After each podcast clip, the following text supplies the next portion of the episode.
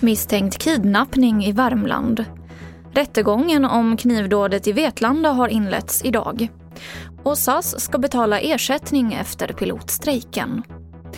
TV4-nyheterna börjar med att vi nyss fick in uppgifter om en misstänkt kidnappning. Det är en man i 40-årsåldern som misstänks ha blivit kidnappad i området kring Årgäng i Värmland. Polisen har nu inlett en förundersökning gällande människorov och mannen ska senast ha synts under helgen den 15 och 16 maj och även hans bil har hittats. Tidigare idag så startade rättegången om vansinnesdådet i Vetlanda i början av mars då en ensam gärningsman attackerade sju personer med kniv. Något motiv till dådet är inte känt enligt åklagare Martin Svensson. Ja, vi eh, vet att han eh, sökte asyl i Sverige 2016, att han har bott på ett antal olika platser här i Småland.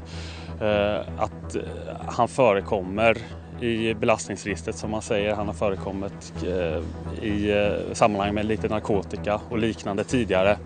Och vad har han själv sagt i förhör? Han har haft ganska eh, sporadiska minnesbilder. Han har ju uppgett i polisförhör att han har angripit ett par, jag tror det var två eller tre personer med kniv vid ett tillfälle men sen vill han inte prata mer i förhör egentligen. Och nej, som sagt, han har inte lämnat någon förklaring till varför närmare.